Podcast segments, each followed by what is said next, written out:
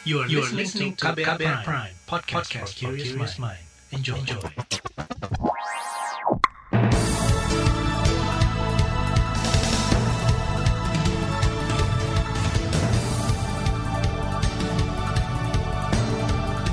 Selamat pagi saudara, senang sekali kami bisa menjumpai Anda kembali melalui program Buletin Pagi edisi Senin 30 Agustus 2021 bersama saya Fitri Anggreni.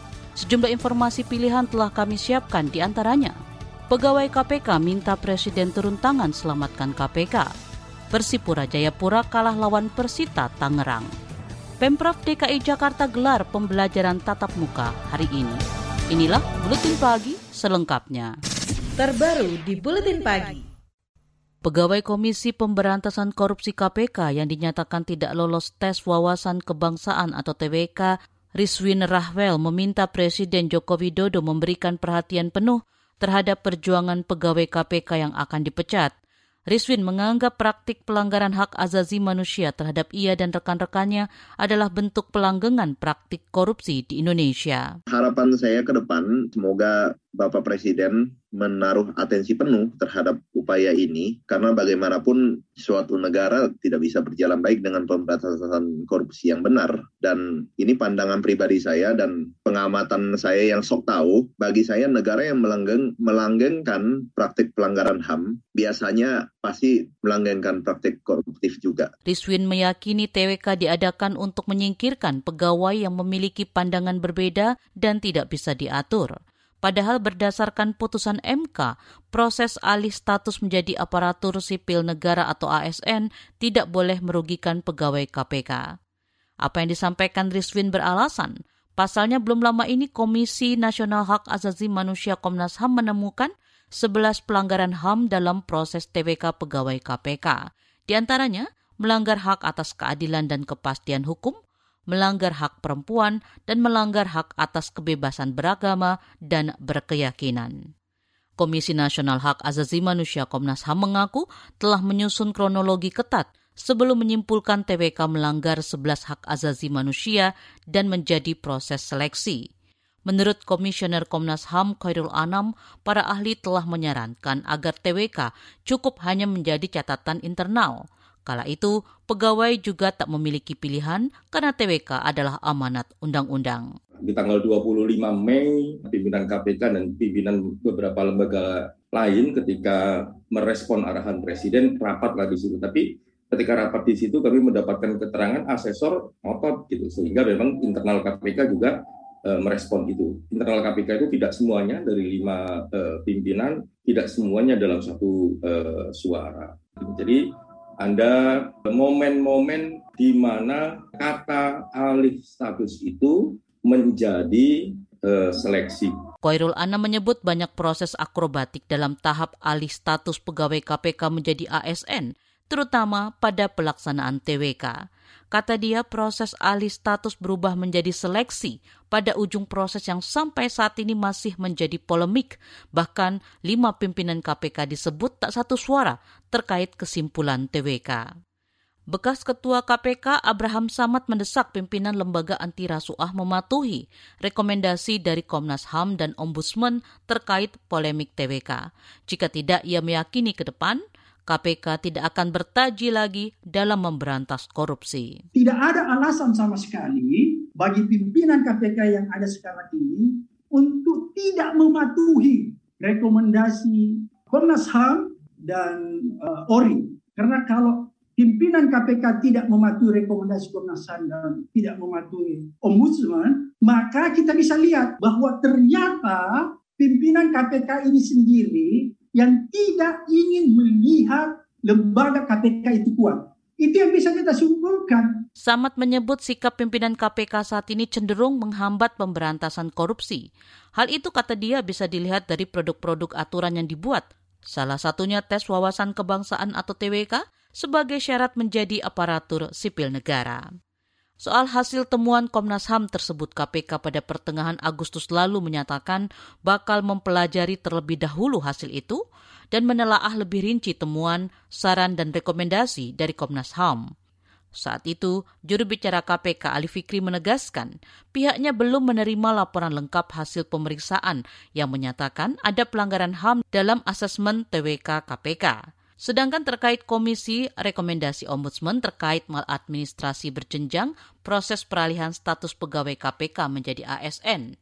Wakil Ketua KPK Nurul Gufron mengklaim mempunyai dasar hukum serta 13 poin alasan untuk menolak rekomendasi dalam laporan akhir hasil pemeriksaan yang diadukan oleh 75 pegawai KPK yang tidak lolos tes wawasan kebangsaan.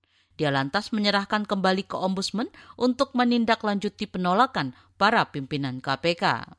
Sementara itu, staf khusus Menteri Sekretaris Negara Valdo Maldini menyatakan Presiden Joko Widodo akan menerima dan membahas secara seksama setiap saran dan masukan dari pelbagai pihak, termasuk soal TWK KPK. Selain itu kata dia, pemerintah tetap menunggu keputusan akhir dari MA dan MK terkait gugatan TWK dari pegawai KPK nonaktif. Kita tunggu hasil dari proses hukum di MA dan MK. Sekarang kan sedang jalan semua.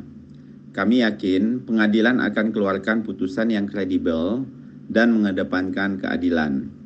Pemerintah tentunya terus mengkaji semua yang masuk. Setiap input akan dibahas dengan kementerian dan lembaga terkait sebelum menjadi suatu keputusan yang diambil. Untuk urusan ini, pemerintah akan mengacu kepada proses yang berjalan. Itu tadi staf khusus Menteri Sekretaris Negara Valdo Maldini. Sebelumnya staf khusus Presiden bidang hukum Dini Purwono menyatakan arahan Presiden Jokowi terkait pengalihan status pegawai KPK telah disampaikan sebelumnya dan tidak berubah, yakni alih status pegawai tidak merugikan hak pegawai KPK sebagaimana putusan Mahkamah Konstitusi atau MK. Presiden kumpulkan pimpinan parpol di istana. Informasi selengkapnya akan hadir sesaat lagi. Tetaplah di Buletin Pagi KBR. You're listening to KBR Pride, podcast for curious mind. Enjoy!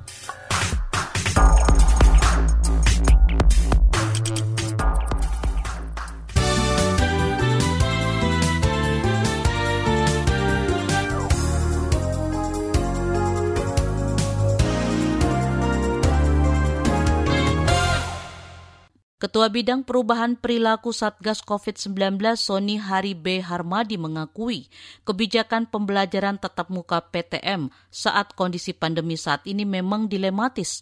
Meski begitu, dia menyebut yang bisa dilakukan adalah menekan risiko penularan COVID-19 di sekolah hingga serendah mungkin. Jadi ketika kita melihat secara keseluruhan dan kemudian hanya sekedar melarang, tanpa memberi solusi tidak semua orang juga bisa menjalankan pendidikan daring secara baik.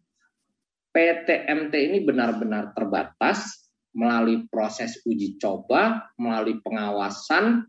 Kalau ada yang sampai melanggar, maka dilakukan hukuman. Ya, dilakukan hukuman. Sony meminta daerah level 4 yang melanggar aturan dengan pelaksanaan PTM harus segera ditindak Satgas daerah. Selain itu, percepatan vaksinasi untuk guru dan pelajar harus dipercepat. Sebelumnya, pemerintah memberi kelonggaran untuk daerah pada level 1, 2, dan 3 PPKM boleh melakukan PTM terbatas. Sementara, untuk sekolah di daerah level 4 mesti 100% belajar dari rumah. Ketua Umum Partai Gerindra memuji keputusan Presiden Joko Widodo untuk tidak mengambil kebijakan karantina wilayah atau lockdown. Prabowo menilai kepemimpinan Jokowi dalam menangani pandemi COVID-19 selama ini sudah efektif dan sesuai dengan kebutuhan masyarakat. Kedua yang Bapak sampaikan, ekonomi juga kita optimis, kita cukup baik. Dibandingkan dengan banyak negara lain, itu juga berhubungan Pak. Keputusan Bapak untuk tidak lockdown keras ini ya memungkinkan kita bisa selamat. Negara lain yang lockdown keras, malah mengalami kesulitan. Jadi kita boleh bangga bahwa prestasi kita baik, Pak. Saya bangga bagian dari pemerintah ini. Prabowo menyebut arah dan kebijakan Jokowi selama ini sudah berada di jalur yang tepat. Dia mengklaim saat ini pemerintah telah mampu mengatasi pandemi COVID-19 yang menjadi ancaman serius bagi banyak negara di dunia. Sementara itu pengamat politik Muhammad A.S. Hikam menilai pertemuan pimpinan partai politik di istana pada pekan lalu syarat politik transaksional. Apalagi terdapat pimpinan Partai Amanat Nasional PAN yang notabene saat ini tidak masuk dalam Kabinet Indonesia Maju. Hikam menyebut pertemuan itu cenderung memperlihatkan konsolidasi jelang pemilu 2024 dan arah amandemen Undang-Undang Dasar 1945. Kalau menurut saya ini ya soal masalah kunjungan-kunjungan 2024, kemudian kemungkinan besar soal bagaimana men-set up apa namanya sidang MPR supaya tidak ada kesulitan kalau nanti terjadi keinginan amandemen atau kemudian bagaimana menghadapi uh, kiprah Partai Demokrat yang kemungkinan juga bisa bersatu atau berkoalisi bersama-sama Partai PKS. Bekas Menteri Riset dan Teknologi era Gus Dur ini mengatakan pertemuan petinggi partai politik di istana hanya sebatas pembagian jatah di kabinet. Menurutnya, tidak ada sesuatu pemikiran yang besar terkait penanganan pandemi maupun menyangkut ketatanegaraan. Kamis pekan lalu Jokowi mengumpulkan para ketua umum parpol koalisi. Ada tujuh ketua umum parpol koalisi yang bertemu dengan Jokowi. Terdapat lima topik pembicaraan yang dibahas, yakni evaluasi penanganan COVID-19, perekonomian nasional, strategi ekonomi, sistem pemerintahan, dan ibu kota baru. Beralih ke kabar ekonomi, program pemerintah yakni food estate atau lumbung pangan baru membutuhkan peran sejumlah pihak untuk berkontribusi secara profesional. Ahli peternakan dari Institut Pertanian Bogor IPB Mulatno mengatakan sinergi dari peternak, akademisi, birokrat hingga pelaku usaha mesti diperkuat. Kemudian masing-masing menyumbangkan atau berkontribusi sesuai dengan uh, profesionalitasnya. Sinergi peternak, ya dia peternak saja, akademisi ya dia memberikan ipteknya saja, birokrat memberikan fasilitas dan regulasi-regulasinya, pelaku usaha ini juga semuanya ini masih harus diperkuat. Ini baru bisa food estate di semua di pemukiman juga bisa, nggak perlu harus bongkar-bongkar, nggak perlu harus menjual-jual lahan segala macam. Manfaatkan yang ada itu saja maksimalkan untuk dibangun food estate. Kata dia, berbagai pihak tadi mesti dikawal untuk memastikan mereka menjalankan tugas dan fungsinya masing-masing. Selain itu, peraturan daerah perlu dibuat agar mempermudah pergerakan ekonomi di bidang peternakan. Kata dia, bersatu dan bersinergi antar pihak adalah kunci membangun usaha peternakan di Indonesia. Sebelumnya, Menteri Koordinator Bidang Kemaritiman dan Investasi Luhut Binsar Panjaitan juga menargetkan 1.000 hektar lahan food estate di Sumatera Utara rampung pada akhir 2021. Kita ke informasi mancanegara wilayah Okinawa di Jepang melaporkan penemuan vaksin Moderna yang diduga terkontaminasi setelah kebijakan penangguhan vaksin diumumkan pemerintah pusat. Akibat penangguhan ini, pemerintah Okinawa menunda pelaksanaan vaksinasi COVID-19 masyarakat yang seharusnya digelar kemarin. Dilansir dari AFP, pemerintah Jepang telah mengumumkan penangguhan penggunaan vaksin COVID-19 jenis Moderna sebanyak 1,6 juta dosis. Kebijakan penangguhan diambil karena pemerintah tengah menyelidiki penyebab meninggalnya dua warga negara usai menerima vaksin Moderna pada awal Agustus 2021. Hasil pengujian akan diumumkan pada pekan depan. Dari lapangan hijau, Persipura Jayapura kalah 1-2 melawan Persita Tangerang pada laga kedua kompetisi Liga 1 yang digelar di Stadion Pakansari Bogor. Dua gol itu dilesakan Harrison Cardoso dan Irsyad Maulana, sedangkan satu gol Persipura dicetak Ramai Rumakik. Laporan khas KBR berjudul Nelayan Tradisional Teluk Manado terhimpit reklamasi akan hadir sesaat lagi tetaplah di Buletin Pagi KBR. You're listening to KBR Pride, podcast for curious mind. Enjoy!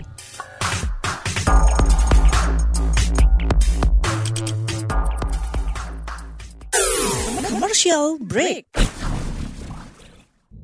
Anda sering gelisah, tidak bisa tidur nyenyak, selalu merasa ada yang merasuki pikiran Anda.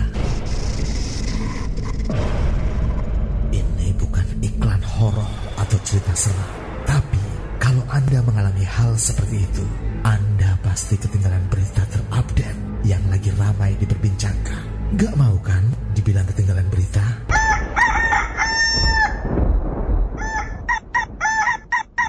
Makanya dengerin KBR Pagi, siaran pagi radio paling update menghadirkan narasumber yang terpercaya dan kredibel. Banyak lagu-lagu dari zaman old sampai zaman now. Setiap hari Senin sampai dengan Jumat mulai pukul 7 sampai 8 waktu Indonesia Barat. Bisa didengerin dari Aceh hingga Papua. Cukup satu jam saja untuk membuat kamu tetap update. Woi, ayam siapa nih? Berisik, saya mau dengerin kabar pagi.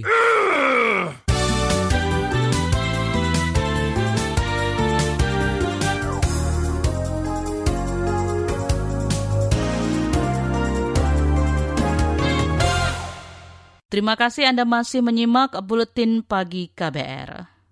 Reklamasi tak hanya jadi polemik di Teluk Jakarta. Di pantai utara Teluk Manado, Sulawesi Utara, wacana reklamasi lanjutan juga menuai sengketa.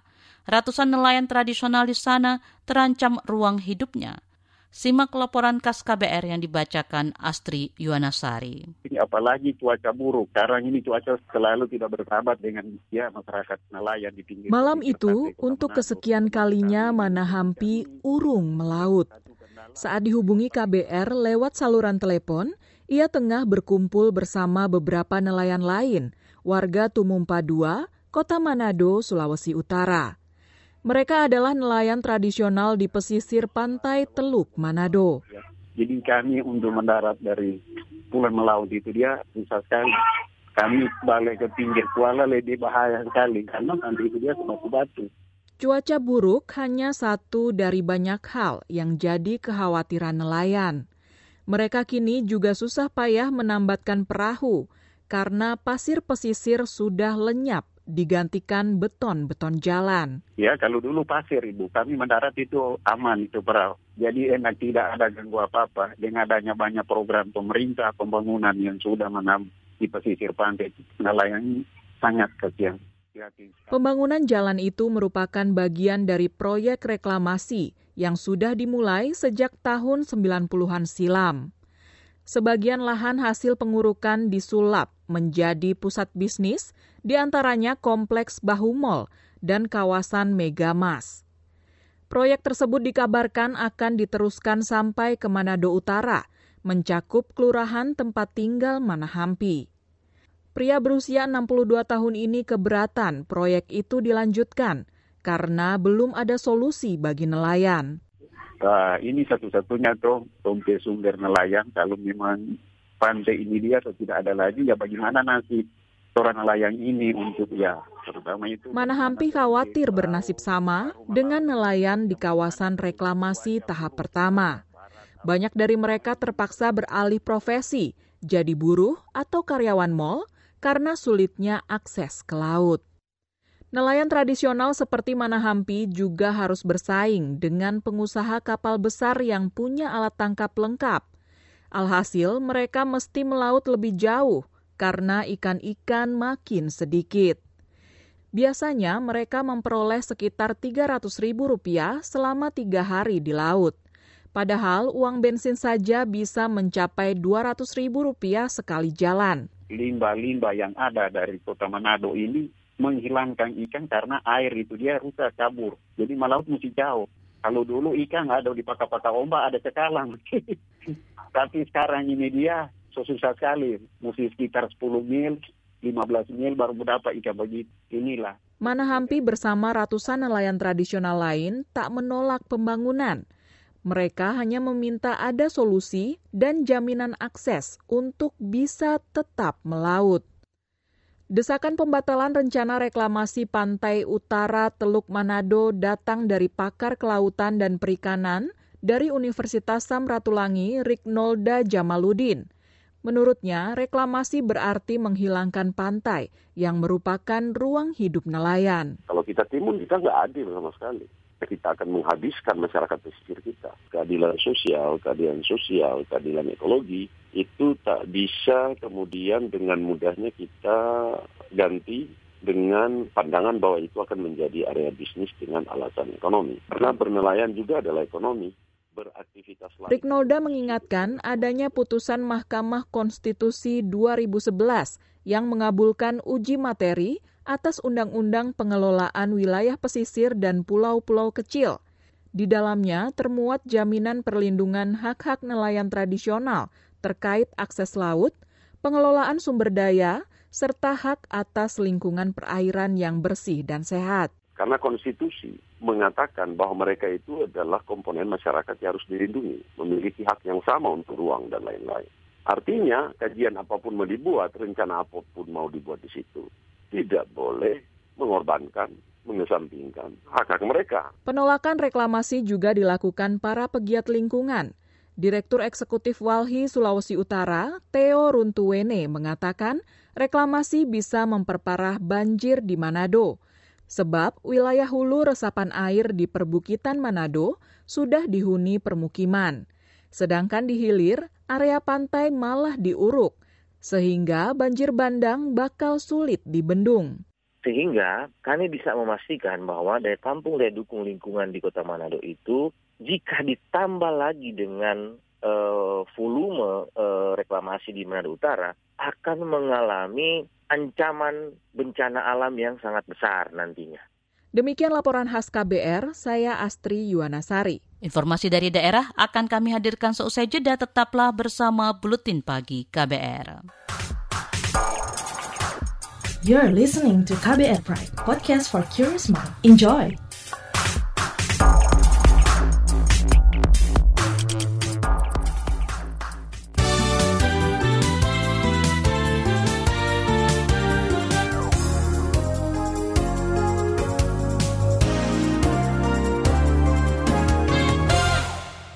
Inilah bagian akhir buletin pagi KBR. Dimulai dari ibu kota pemerintah Provinsi DKI Jakarta akan menyelenggarakan pembelajaran tatap muka atau PTM terbatas di semua tingkat sekolah mulai hari ini.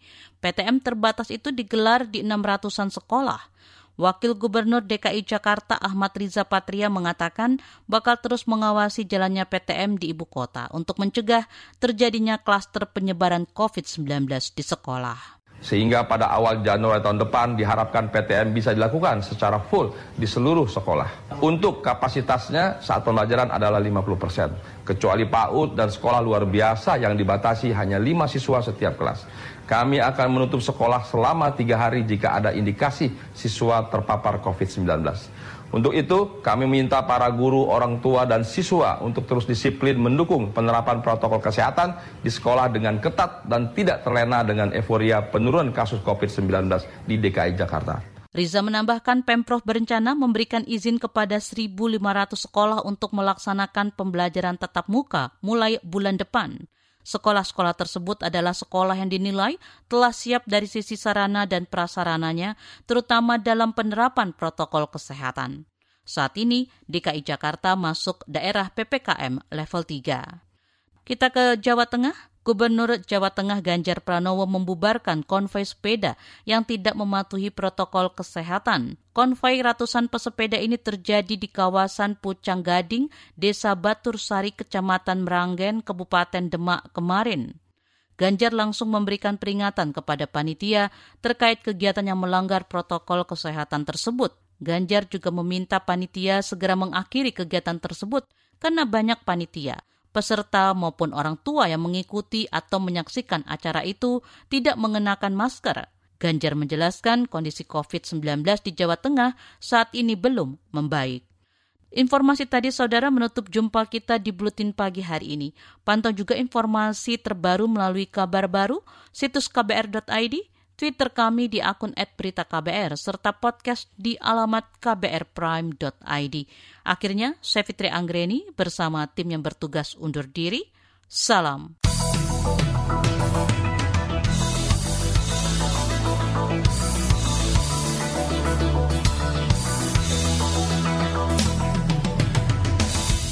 KBR Prime, cara asik mendengar berita.